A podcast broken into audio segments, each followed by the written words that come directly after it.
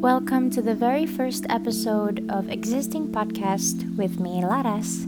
And right now, I will be inviting my little sister, Atira, and we'll be talking about her life around mental resilience, the power of collective energy, feeling disconnected, empathy and listening skills, and also some other stuffs. So here's the very first episode of Existing Podcast with me, Laras, and Atira. Enjoy! Um, welcome to the first podcast. so hello, Hi. uh, Atira. So this is Atira, my one and only sister. Uh, so basically, uh, we're just going to talk like we used to do. Maksudnya kan kita as sisters emang suka banget ngobrol gitu kan, sampai even kalau lagi di acara keluarga juga kita masih suka ngobrol berdua ya kan, sampai orang-orang tuh kayak Udah ketemu berdua. udah tiap hari di rumah kenapa di acara keluarga masih suka ngobrol sendiri. Ya jadi let's just make it apa just like how we used to do on a daily basis aja gitu. Oke. tapi I already uh, set up some questions untuk kamu. Jadi mungkin uh, it's going to be more about you as a as an existing being um, sebenarnya ini kan masih pertama aku masih nggak tahu juga flownya tuh enaknya kayak gimana jadi santai aja ya kayak ngalir aja gitu Iya kan jangan dipikirin ini podcast deh. Iya ya, kayak ngobrol aja biasa sih sebenarnya cuma somehow harus dibikin kayak ada kayak podcast juga, sih. iya biar Iya sih. agak structured. Karena sebenarnya kan sebelumnya aku udah nyoba ngobrol yang spontaneous gitu kan. Cuma pas aku ngedit kayak gimana ya ini orang bakal bingung banget sih Iya, dengernya karena super Iya, iya, iya. abstrak. Tapi ya udah. Aku ngikutin vlog kakak aja. Yep. Uh, maybe a bit of introduction dulu kali ya. Mhm. yeah you're you're my one and only sister I actually have another brother older brother tapi emang karena kita cewek-cewek juga mungkin jadi kayak aku lebih sering ngobrol sama kamu gitu terus kita beda lima tahun Mhm. tapi I feel like you're yeah it's always been apa ya a really great time to talking to you mungkin I will start with a question how are you Atira I'm fine. I'm good. kamu lagi occupied sama apa sih Hmm, apa ya karena lagi banyak waktu luang juga jadi aku banyak menghabiskan waktu untuk baca-baca hal yang aku topik yang lagi aku pengen dalemin gitu sih Mhm. dan sekarang mungkin kayak pilihan topiknya lagi luas banget kayak bisa nggak berhubungan kah atau apa and then I start to write it or making uh, A mind map or a summary gitu hmm nice Eh, terus ya udah fokus kuliah dan beberapa kegiatan lain gitu. Hmm. Biasanya interest kamu apa tuh kalau ngulik-ngulik baca-baca itu Hmm, seputar apa sekarang sih lagi banyak pengen mendalami soal teknologi Mhm. and healthcare Mhm. and anything yang related to my study in my university you're and you're now studying economics Nice. What made you interested to uh, learn about healthcare? That's interesting. soalnya kayak apa ya eh, mungkin baru akhir-akhir ini juga sih menyadari kalau ternyata itu hal yang harusnya kita sangat invest banyak di situ gitu loh untuk ngedevelop itu biar siap untuk menghadapi masalah kesehatan yang akan terjadi sekarang dan yang akan datang gitu loh dan kayak menurut aku healthcare tuh sesuatu yang nggak akan pernah mati gitu karena sampai Hmm. kapan pun kita akan membutuhkan itu Hmm. dan ya kayak berkontribusi aja sih kalau bisa Hmm. Uh, does it has something to do with this situation, like the corona? Kayak awal kamu interested ke healthcare, itu Oh. gimana ceritanya? ya awalnya itu sebenarnya awalnya triggernya gara-gara pandemi ini kan Heeh. Terus habis itu kemarin eh, mulai kalau misalkan baca berita pasti semuanya tuh berhubungan dengan eh, kesehatan gitu dan sekarang tuh Hmm. eh, kemarin sepanjang semester kemarin itu Mm-mm. di apa ya aku ngerasa mau bikin kebijakan apa pun tuh harus eh, ada interdisiplin research gitu loh Hmm. Antara berbagai macam bidang termasuk kesehatan Hmm. apalagi dalam ekonomi gitu loh Hmm. jadi kayak I think it's really important for us to understand about healthcare gitu loh the jadi kayak importance of healthcare. Iya ya, tapi aku ingat sih dulu sempat dimention gitu in- in- investment paling penting di negara ya di mana aja sih itu ed- education and health healthcare. ya betul Kayak yang mana sih yang paling apa duluan ya? Education, healthcare ya? Nggak tahu sih Apa dua-duanya?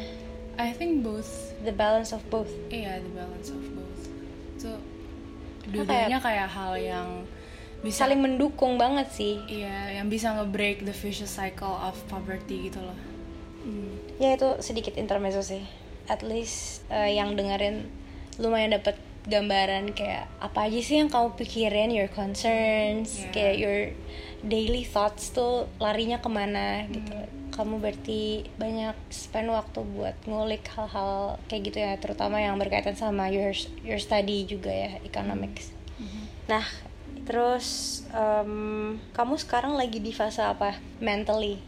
Eh, apa ya, aku sih ngerasa sekarang lagi ada di transisi dari remaja menuju dewasa. Eh bener gak sih dewasa tuh umur berapa sih? Early adulthood itu kalau nggak salah dari udah 20 early 20s gitu. ya udah Aku intinya lupa tapi intinya aku ngerasa lagi berada di transisi itu kan maksudnya sekarang tuh lagi banyak dapat banyak informasi dapat banyak pelajaran hidup juga baik dari keluarga dari eksternal dari uh, organisasi yang aku jalanin juga gitu. Mungkin fase mental aku tuh sekarang lagi apa ya berusaha untuk um, membangun kekuatan untuk menerima hal yang apa pun aku dapetin dari luar eksternal gitu jadi kayak aku lebih lagi nge-build internal aku. Jadi kayak kamu lagi di fase transisi. Ya di mana kamu di depan kamu sekarang banyak banget nih pilihan jalan mau ke mana arahnya gitu. Dan kamu lagi fokus untuk uh, bikin tools di diri kamu yang bisa ngebantu kamu milih decision yang kamu mau pilih. karena itu sih triggernya mungkin karena apa ya lagi banyak spend waktu di social media yang banyak apa ya ide-ide bertebaran yang harus aku pilih dan kadang mengganggu kadang aku butuhkan dan itu tuh membutuhkan aku untuk Ya ya. kuat gitu Iya sih. lagi membangun diri with a lot of information di social media tuh kadang bisa kalau if you don't really curate uh, how you're gonna mengkonsumsi informasinya kamu bakal overwhelmed banget sih. I think I'm feeling the same way in terms of the social media. Terus kalau dari fase kamu sekarang ini kan kamu sekarang lagi nge-build tools tadi itu kan. Menurut kamu memang what's the worst thing that can happen kalau kamu misalkan fail dalam membuat tools itu? Apa yang Eh, kamu hindarin? Sebenarnya ada banyak ya mungkin salah satunya kalau misalkan aku bisa nggak kuat dalam membangun mentalku gitu mungkin aku akan terbawa dengan hal eksternal itu dan aku nggak bisa mengontrol diriku terus kayak Hmm. apa yang nggak ajak gitu loh berdirinya Hmm. dan yang hal lain mungkin bisa jadi aku melakukan kesalahan tapi aku nggak menyadari kalau aku salah gitu. Misalnya aku nggak bisa self reflect kan kalau misalkan mental aku sendiri aja nggak kuat berarti aku nggak mungkin aku nggak akan mampu untuk mengevaluasi diriku sendiri gitu. Mm-mm. jadi eh, mungkin dua itu sih yang bikin aku takut. Have you ever experienced uh, one of those situation? eh Maksudku kayak kenapa kamu menghindari apa kamu pernah melihat orang lain Oh.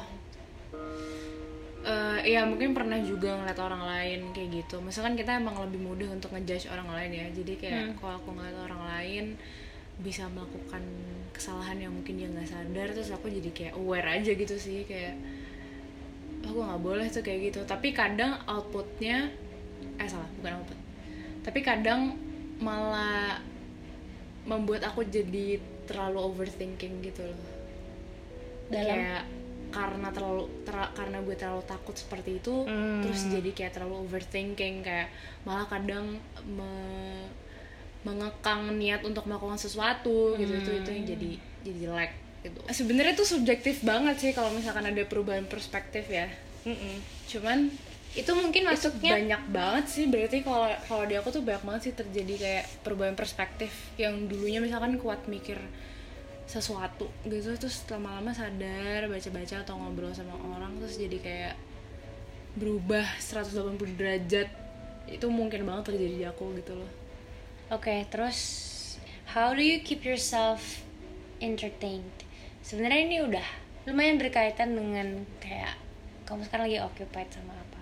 Mungkin one of those things. Tapi kayak uh, ya how do you keep yourself entertained in your day to day? Hmm. Kalau day to day, eh, eh, aku suka kalau sedang berkoneksi dengan orang dan kayak di conversation itu tuh kita bisa nyampe ke sebuah state yang sama, Hmm. tapi kayak ngedistract dari keadaan yang sekarang itu loh. Misalkan bisa aja kita berimajinasi atau Hmm. bisa aja kita kayak eh, punya cita-cita bareng, harapan bersama gitu. Kayak kita bikin ini yuk, bla bla bla bla bla. Pokoknya hal-hal yang fiksi seperti itu tuh kayak bikin aku entertain juga sih. Yeah, that's Terus powerful seperti yang kakak pernah bilang kemarin juga soal seni, iya kemarin aku lupa bilang. Hmm. Seni juga salah satu cara untuk aku entertain sih. Hmm. Kayak misalkan apa ya mungkin itu eh, kan aku mungkin nggak terlalu bisa untuk mengekspresikan perasaan secara gamblang gitu kan. Hmm. Nggak vokal sama Nggak vokal. emotions kamu gitu. Iya, maksudnya beda sama kakak. Misalkan kakak bisa beneran nangis atau kayak seneng gitu. Kalau aku mungkin through music aku bisa jadi lebih mendramatisir emosiku terus jadi keluar Hmm, gitu. Terus hmm. dengan cara seperti itu tuh aku jadi kayak wow, mungkin aku merasa entertain kalau aku lagi jauh sama Realita. realita kali ya. Jadi kayak Hmm. Realita tuh maksud kamu yang kayak gimana? misal kayak ya the current situation aja gitu loh Hmm. ya bisa jadi kita memikirkan masa depan Ya. atau memikirkan tentang eh, membayangkan sesuatu Daydreaming gitu ya. daydreaming gitu Tapi iya menarik sih yang kamu bilang. eh that collective energy ketika kamu in a in the same state in a, in in one frequency with a group ya itu aku juga aku tuh senang banget juga energi kolektif. Kalau aku tuh yang main bareng jalan nongkrong gitu terus kayak bercanda ketawa. Mungkin aku aku juga kadang ngerasa misalnya kayak aku lagi night out terus eh ya di dance floor aja sama orang-orang sekitarku terus lagunya lagi pas gitu tuh kayak aku suka banget lagi ngerasa Iya, itu iya, satu iya. frekuensi Iya. nih gitu terus bahkan yang grup meditation ya aku grup meditation tuh pernah virtually juga oh ya kemarin yang itu yang uh, abundance Hmm. 20 21 Oh. day meditation terus sama yang waktu itu aku chakra healing itu kayak beda banget rasanya sama kamu meditasi sendiri tuh rasanya semua orang tuh lagi pengen sembuh. Dan salah satu lagi ya maksudnya apa senangnya kalau misalkan bisa berkoneksi sama orang sampai satu frekuensi gitu tuh kita jadi percaya sama orang itu ngerti gak sih? Kayak Mm-mm. oh gue percaya ada orang yang sama kayak gue jadi kayak you're not alone. terus mm-mm. kayak aku seneng banget kalau hidup terus ada orang yang bisa aku percaya hatinya baik kah atau kayak Hmm, percaya ada faith. Ada faith ya benar sama orang lain. Iya. Terus aside from keeping yourself entertained kalau nge-guide diri kamu tuh gimana? Maksudnya nge-guide tuh kayak ini agak berkaitan dengan uh, face kamu sekarang sih. Kan kamu sekarang lagi trying to work in your inner self uh, tools gimana caranya kamu punya mental resilience. Hmm. biar ajak pondasinya gitu. Mhm. nah kamu uh, mencari guidance-nya gimana? Kayak kamu mau define sesuatu. Oke this is right this is wrong. Kayak how do you guide yourself? Hmm, masa kayak bagaimana aku mengadopsi sebuah ide gitu? Misalnya kayak kamu bilang tadi kan tadi kamu di provide dengan lots of options gitu. Uh. perspectives bla bla bla. Guide-nya apa gitu? Oh, oke. Eh, sebenarnya pemikiran ini masih sangat progresif ya, tapi saat ini aku memikirkan bahwa setiap orang itu punya space masing-masing dan hidup ini itu eh, apa ya berka- sangat berkaitan dengan persinggungan-persinggungan dari masing-masing space orang-orang itu, Yap. gitu. agree Dan di zaman sekarang ini karena kita udah semakin bebas, Hmm. itu sebenarnya semakin eh, semakin sangat harus kita untuk memikirkan menghormati orang lain, menghormati hak dan kewajiban orang lain Hmm. gitu. Nah, eh, apa ya? Aku sekarang berorientasi untuk eh, berperilaku atau memberikan sebuah ide yang sebuah ide yang enggak menggerecokin mengganggu mengganggu hak dan kewajiban orang lain gitu loh Mhm. maksudnya tetap ada freedom of speech kayak orang-orang masih bisa menyampaikan idenya masing-masing gitu tapi menurut aku itu sebuah eh, hak kita yang juga sebenarnya sensitif gitu loh Mhm. jadi ya itu sih Hmm. respecting Jadi each kayak- other. Mm, paying attention to the boundary Iya, pay attention to boundaries dan between apa ya human to human Iya, kayak apa ya? Aku sangat menjunjung tinggi empati sih. Mhm. Maksudnya kayak kalau dengan empati itu lo sebenarnya mungkin ya menurut aku Hmm. bisa jadi lebih objektif gitu loh sama orang. Hmm. Karena lo bisa eh, mencoba menurunkan ego ego ego lo untuk eh, melihat dari perspektif dia gitu. Hmm. Dan menurut aku tuh membantu kita untuk lebih objektif gitu loh nggak bias sama pemikiran kita sendiri. Iya gak sih? Mhm. What do you think about that?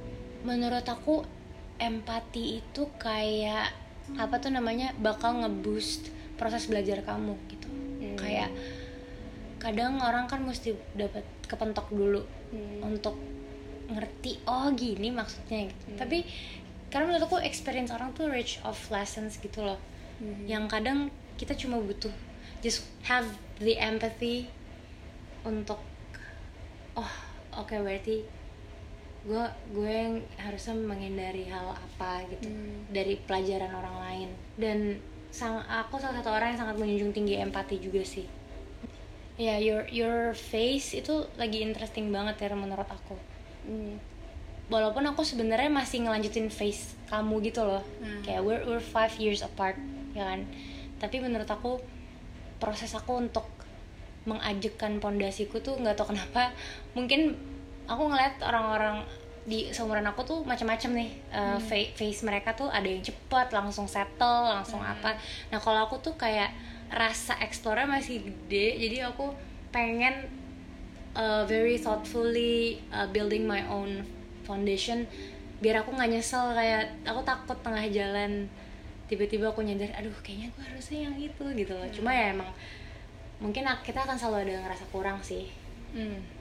Dan menurut aku empati tuh nggak cuma dalam hal interpersonal ya, tapi kayak empati tuh menurut aku bisa berlaku pada ilmu pengetahuan gitu loh. Dengan lo empati dengan sebuah ide atau sebuah ilmu, lo akan jadi eh, eager untuk belajar lebih dalam lagi tentang ilmu itu gitu, tentang knowledge itu. Jadi kayak eh the musisi deh misalkan, maksudnya I don't know, kalau kakak kan musisi nih, kayak empati. Menurut musisi itu gimana?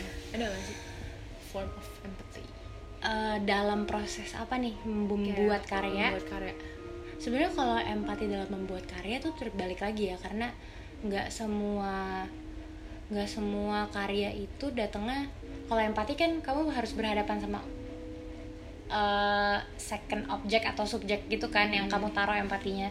Kadang kan datangnya dari experience dia sendiri. Jadi aku bingung kayak terus kalau dari sendiri pengalaman sendiri sendiri empatinya mau ditaruh di mana gitu. Jadi kayak kalau empati dalam musisi itu maksud kamu maksudnya kepada pendengarkah atau nggak tahu bisa aja empati kepada diri sendiri.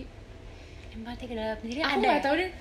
Empati tuh mungkin ada kata lebih tepat. Jadi gini loh ya aku tuh suka nggak bisa memilih sebuah kata Iya. untuk mengekspresikan aku tuh pikiranku juga, gitu ngerti loh. banget ngerti banget. Aku tuh juga very limited gitu.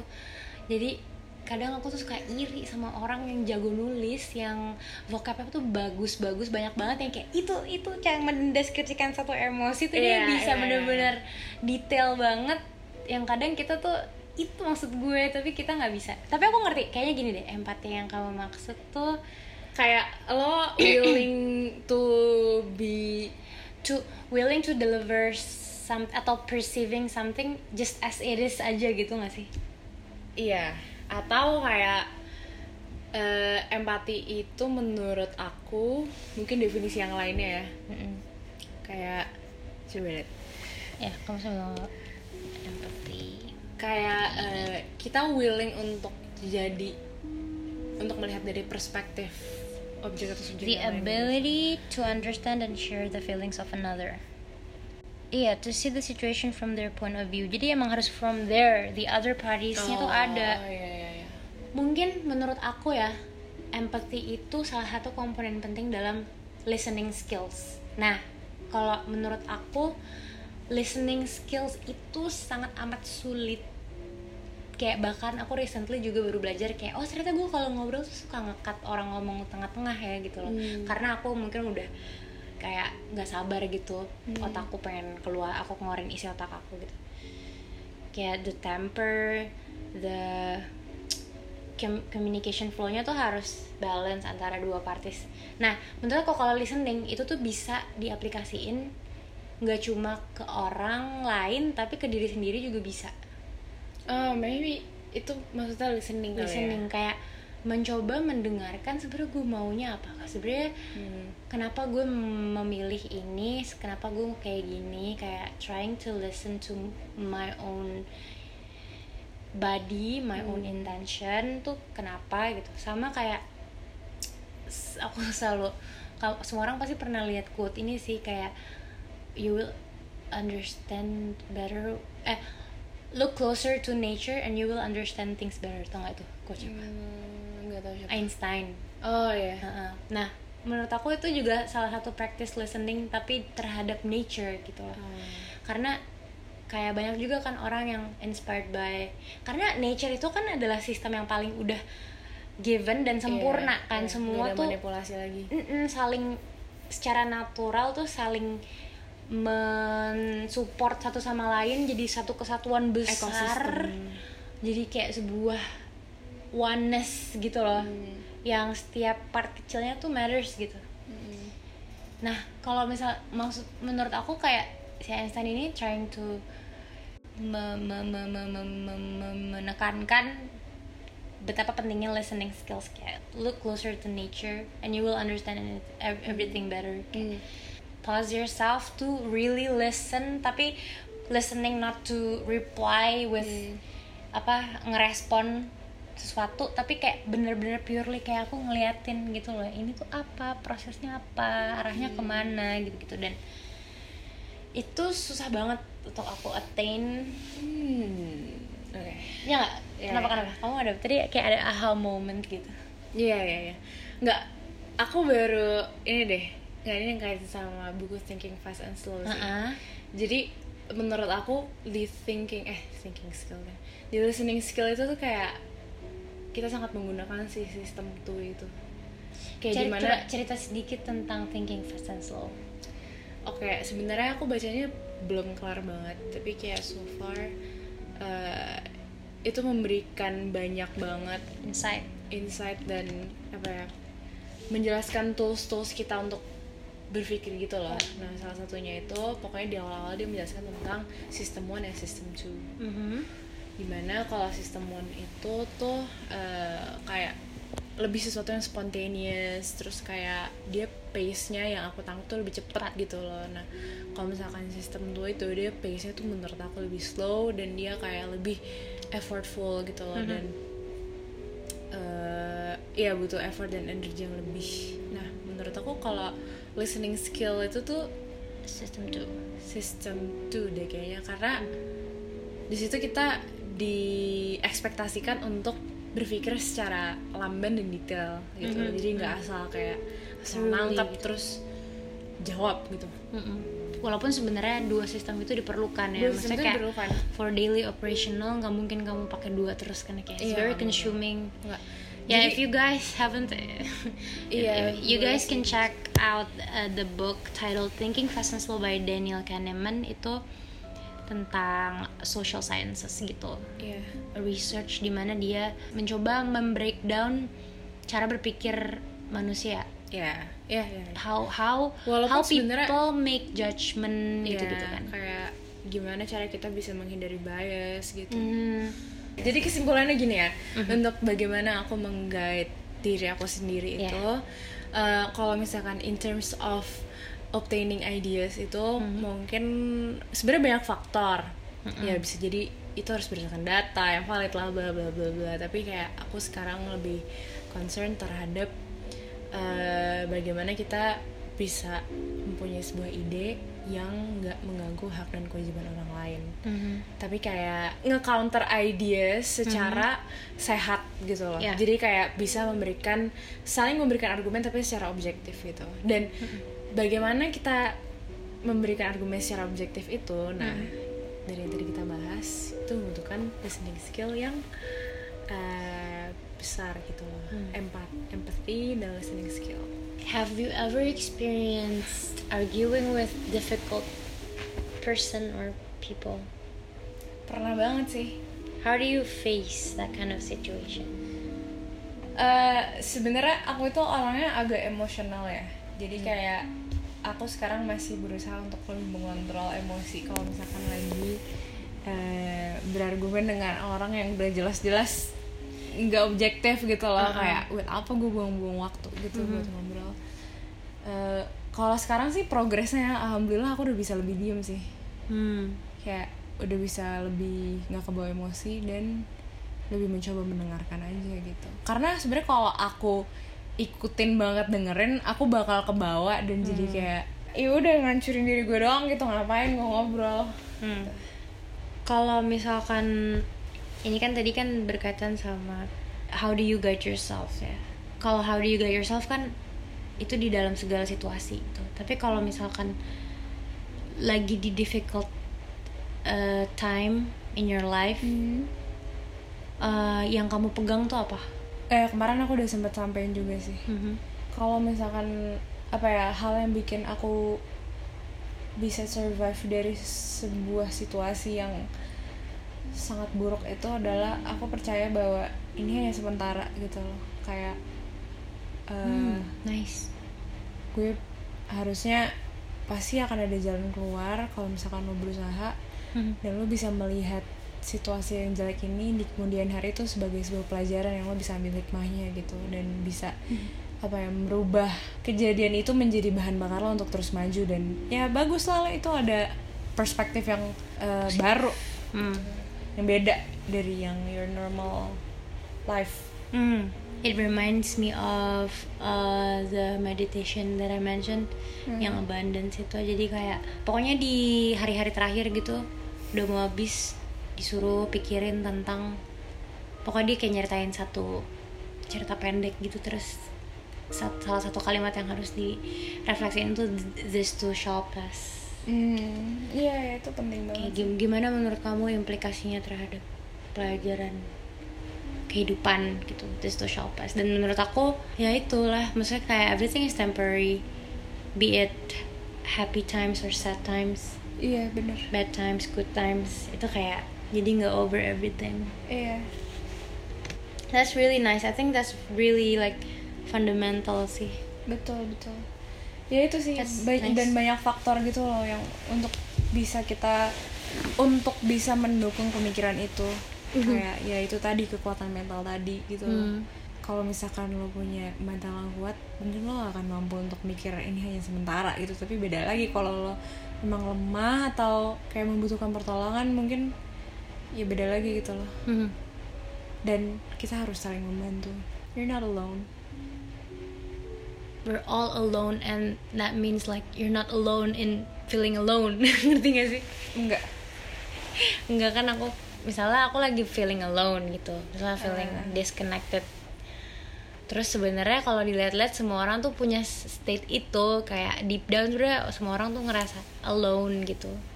Feeling lonely. Jadi sebenarnya jadi kita nggak sendiri. Semua orang tuh ngerasa lonely. Jadi kayak we're oh iya we're, we're you're not alone in feeling alone because everybody's alone. Iya iya iya. Apa sih Iya, ngerti, nggak? ngerti. you're not alone in feeling lonely because everybody's lonely Iya.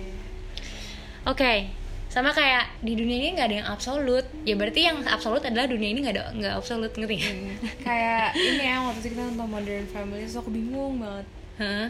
yang kayak Oh yang kata-kata itu, eh, yang yang Phil bilang yang ribet.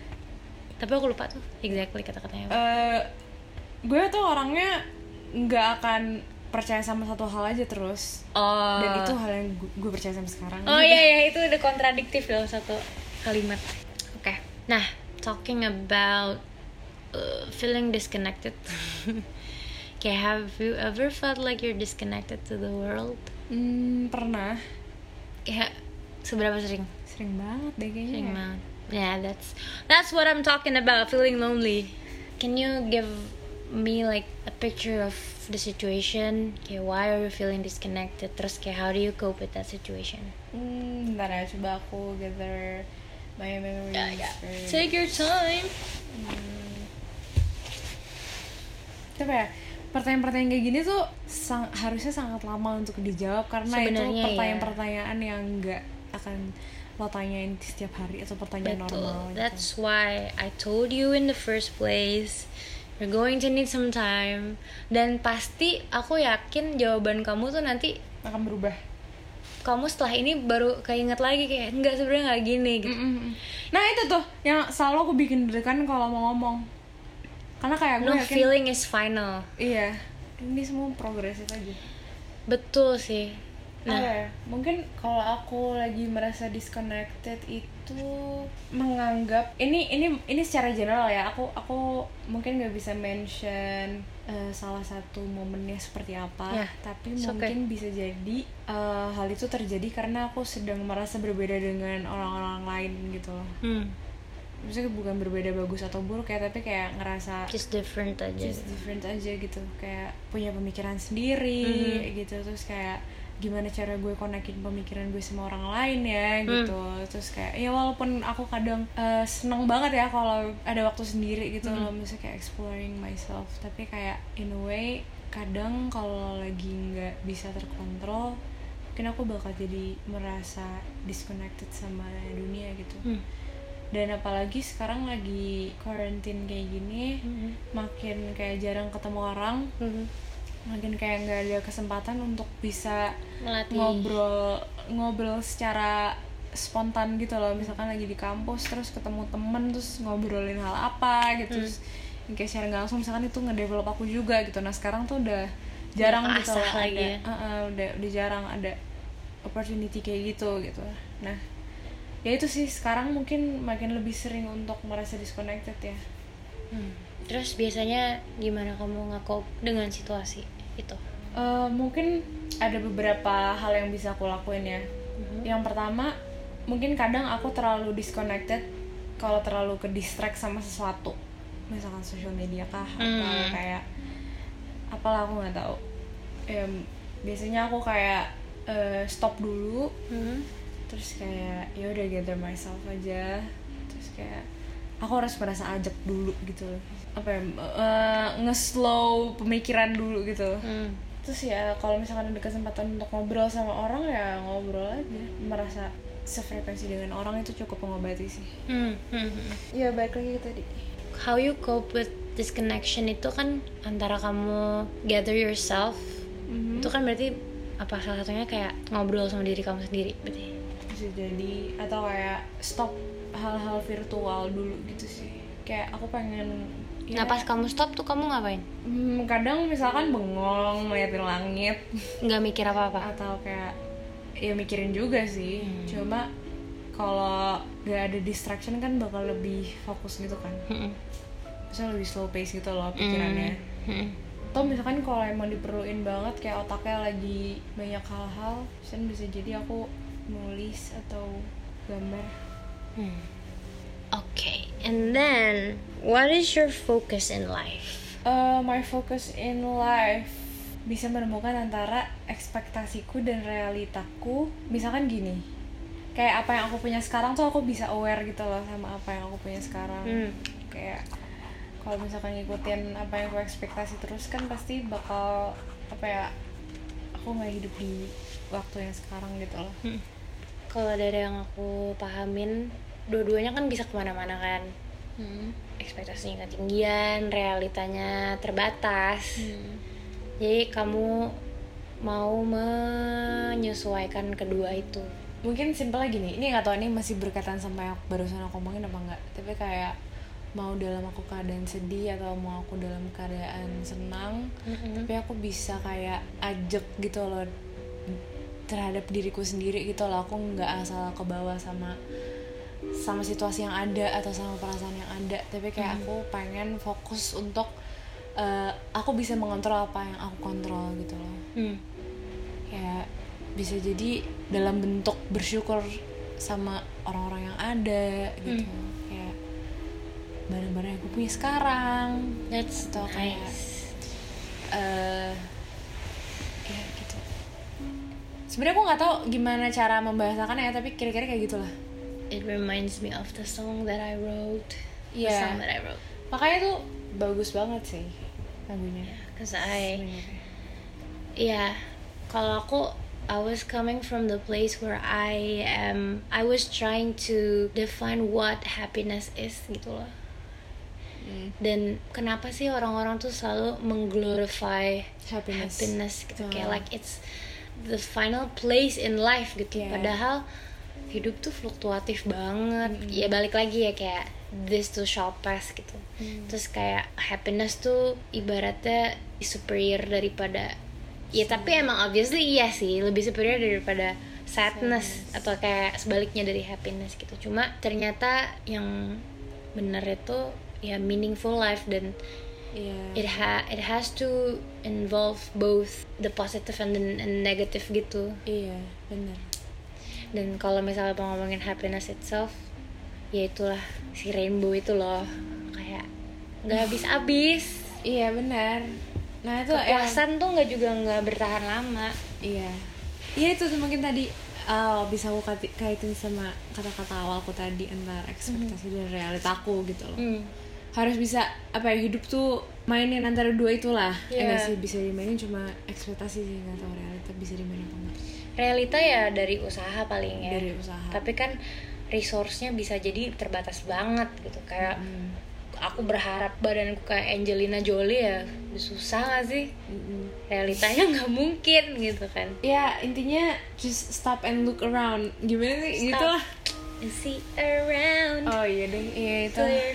Ya udah aku quote dari lagu kakak aja. what do you think about self discovery mungkin sebenarnya kan di otak itu di otak kita itu kayak banyak hal-hal yang sebenarnya terjadi secara otomatis gitu kan.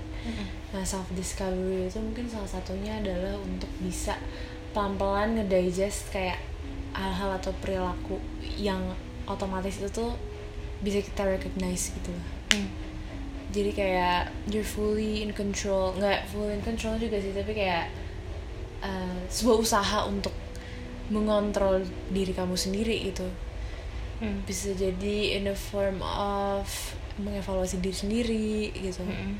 maksudnya kan kalau misalkan kita mengevaluasi diri sendiri kan berarti hal-hal yang otomatis itu tuh kita bisa identifikasi gitu kan dan setelah lo bisa mengidentifikasi itu mungkin lo bisa assess sendiri tuh kayak kira-kira ini sebenarnya bener apa enggak sih Hmm. gitu atau kayak apakah gue harus mencari tahu lebih lanjut tentang ini atau kayak Hmm. sebenarnya perasaan ini tuh gue pendem apa gimana sih gitu kayak luas banget sih sebenarnya self discovery menurut aku tapi intinya itu tadi deh kayaknya kayak apa ya banyak di diri kita yang terjadi secara otomatis dan kita tidak sadari tapi self discovery itu it's about uh, ya udah mengenali hal-hal otomatis itu kayak the, Menurut the kita motivation sih. behind. The motivation behind gitu. Atau bisa jadi eh, secara lebih dalam lagi mungkin kita bisa cari tahu latar belakangnya kenapa sih gue bisa jadi kayak gitu. Kenapa sih gue bisa melakukan perilaku itu gitu. Mungkin akan terkait sama sejarah kita dulu gimana. Dan setelah tahu sejarah kita terus kita jadi bisa lebih damai dengan masa lalu kita gitu kan. Eh, iya luas sih. Lalu kalau misalkan dilanjutin lagi secara setelah udah melakukan self discovery and then you can make your own principle gitu loh Hmm. kayak itu kan progresif kan sebenarnya tapi Iya. kayak semakin lama semakin self discovery semakin menemukan prinsip semakin bisa ajak hidup semakin bisa ya mengontrol apa yang kita bisa kontrol mungkin ada vocab yang lebih bagus sih ajak kayak aku nggak tahu nanti pilih aja. grounded. grounded kayaknya. Uh, how about your own self discovery? Itu berat banget sih menurut aku eh bukan berat ya gimana ya challenging banget gitu loh Hmm. dan itu akan terus terjadi Ya. dan bahkan hal-hal otomatis itu tuh mungkin akan numbuh-numbuh lagi gitu loh Ada lagi yang ada lain. lagi ada lagi ada lagi gitu nggak tahu nih bahkan aku aja nggak bisa ngejudge diriku sendiri sih udah Hmm. udah sampai mana ya progresnya tapi kayak beberapa hal mungkin udah lebih baik dari yang sebelumnya gitu Mhm. Ya aku aku merasa semakin lama aku semakin belajar untuk mengontrol diriku sendiri gitu sih Hmm. mengontrol apa yang aku pikirkan mengontrol apa yang pengen aku obtain Hmm. Uh, I think going back to the very first question, emang kamu lagi di fase building your own foundation karena you're in a phase where you are faced with lots of options. Terus just making sure you have the right tools untuk nge-curate your prinsip ideas and so on. Jadi the final question what's the meaning of existing to you? Existing menurut aku itu adalah eh, menjadi bagian dari sebuah proses kehidupan itu. I love that answer Eh, elaborate maksudnya ini ini lebih dalam hal yang lebih luas ya maksudnya kayak aku menyadari bahwa eh, existing itu menurut aku adalah menjadi bagian dari sebuah proses kehidupan gitu loh. Mhm. kayak em, ya itu. Terus aku mau bahas lagi apa yang apa respon aku kemarin kayak aku lumayan tercengang dengan jawabanmu karena I'm the kind of person that wants to know everything. Ngerti nggak? Kayak makanya aku tuh kadang terlalu terjerat di pertanyaan-pertanyaan sampai aku tuh kayaknya aku tuh over controlling gitu loh. Hmm. Aku takut salah, aku takut apa. Ini kalau misalnya aku bahas tentang diriku kayak tadi aku juga di awal mention iya aku tuh ngerasa aku tuh mesti mikirin banget tools yang aku punya Hmm. aku aku aku mau explore terus biar aku takut nanti nyesel sebenarnya kayak nggak akan puas kalau aku selalu punya pemikiran itu gitu dan having that perspective you know uh, seeing yourself as a part of a big system kamu tuh legowo gitu loh atas segala limitation kamu. Kayak kamu tuh bagian kecil aja gitu. Dan ya udah secara te- teoritis gampang dipahamin tapi secara praktek tuh susah gitu. Apalagi buat orang yang overthinking yang takut ngebuat kesalahan. Karena kan menurut aku kalau emang dia udah ikhlas dengan the idea of being part of the process tuh ya apa pun yang terjadi ya mungkin dia bakal berusaha, berusaha yang terbaik. Cuma apa pun yang terjadi dia bisa ya udah ini emang proses begini gitu tapi kalau kayak gitu ya nggak hidup lah Mm-mm. terlalu surrender jadi kayak sampah Ya, ke bawah sih. arus gitu Iya mungkin balancing ya Maksudnya itu penting banget untuk kita memahami bahwa kita adalah sebuah bagian kecil atau mungkin besar dari sebuah proses ini Eh, Maksud aku maknanya adalah kayak ya udah lo fokus terhadap hal yang bisa lo kontrol aja Yap. gitu loh Tapi jangan lupa yang bikin lo hidup adalah hope dan cita-cita lo gitu loh. Jadi that kayak passion.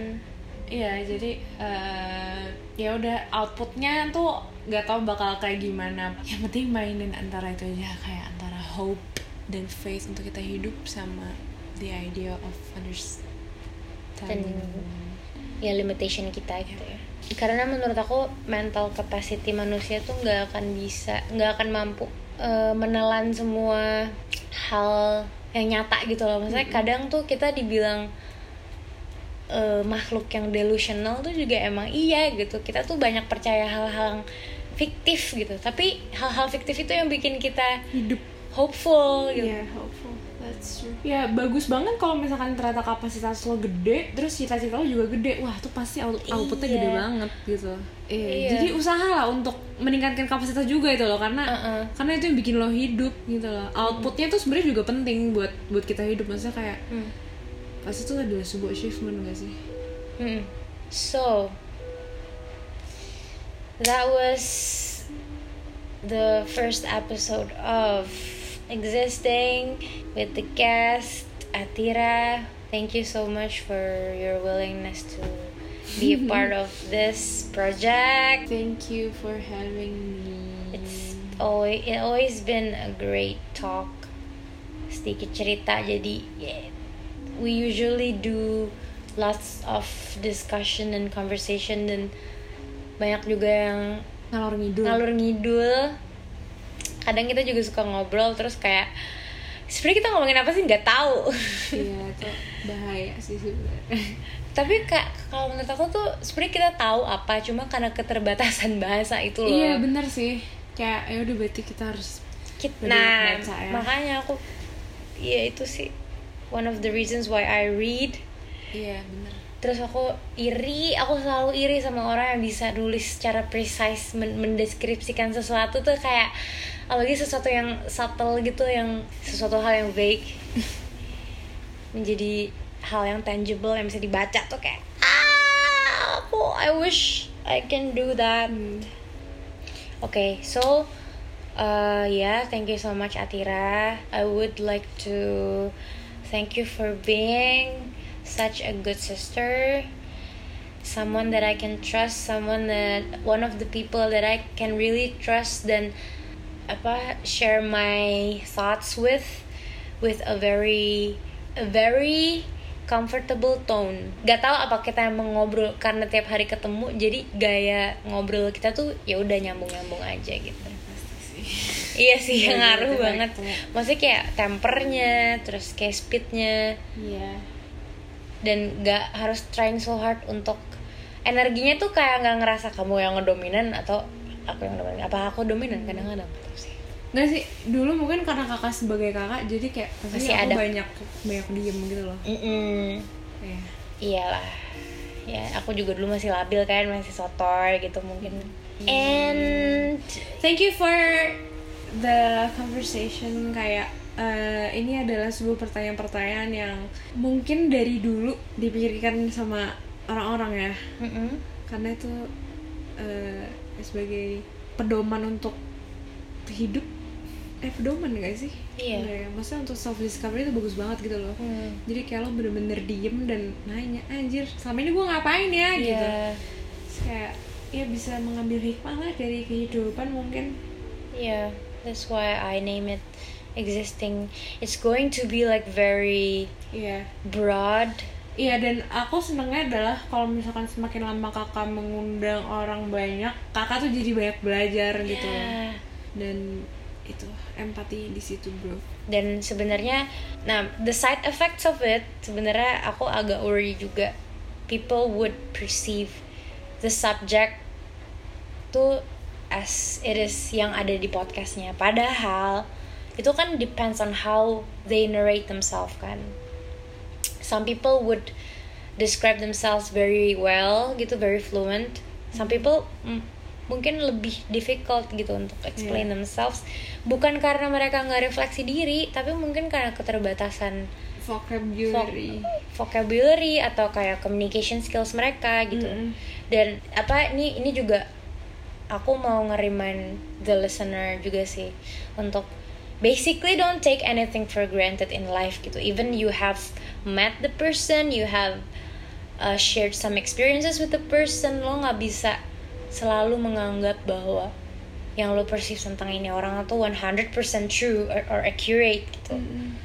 Bener. balik lagi sih sama si Thinking Fast and Slow gila kita ngepromot buku ini banget tapi menurut aku tuh banyak banget pelajaran aku dengerin podcast si Daniel Kahneman gitu dan dia bilang intinya kesimpulan dari buku ini adalah manusia itu sangat amat rentan sama error gitu dalam judgement mereka. Terus ditanya sama interviewernya terus gimana cara kita ngehindarin itu? Nggak bisa nggak bisa dihindarin. Lo bakal lebih jago ngejudge orang daripada ngejudge diri lo sendiri gitu loh. Dan pokoknya yang bisa lo lakukan adalah lo harus selalu humble aja sama kesalahan yang mungkin lo buat gitu loh. Lo harus selalu mengakui kalau lo mungkin error gitu. yang bahaya ya itu yang hal yang kamu takutin tadi orang yang ngerasa bener banget padahal dirinya tuh salah besar itu membutuhkan effort yang besar sih untuk self discovery sebenarnya. Iya kita aja sendiri suka kesulitan ya memahami diri sendiri. Oke so that's about it. Thank you so much if you can really listen to this podcast until this point hopefully uh, bisa ada pelajaran yang diambil dan please kasih kritik dan saran. Ya if you ha- if you have any critics atau ideas untuk uh, the next episode please just apa let me gimana? know. Mungkin nanti aku akan post di Instagram terus bisa di komen gitu kali ya. Dan once again please don't take this for granted kayak okay so thank you for existing Atira. Oke sorry for the awkwardness. Ya udahlah ya bye and see you uh, on the next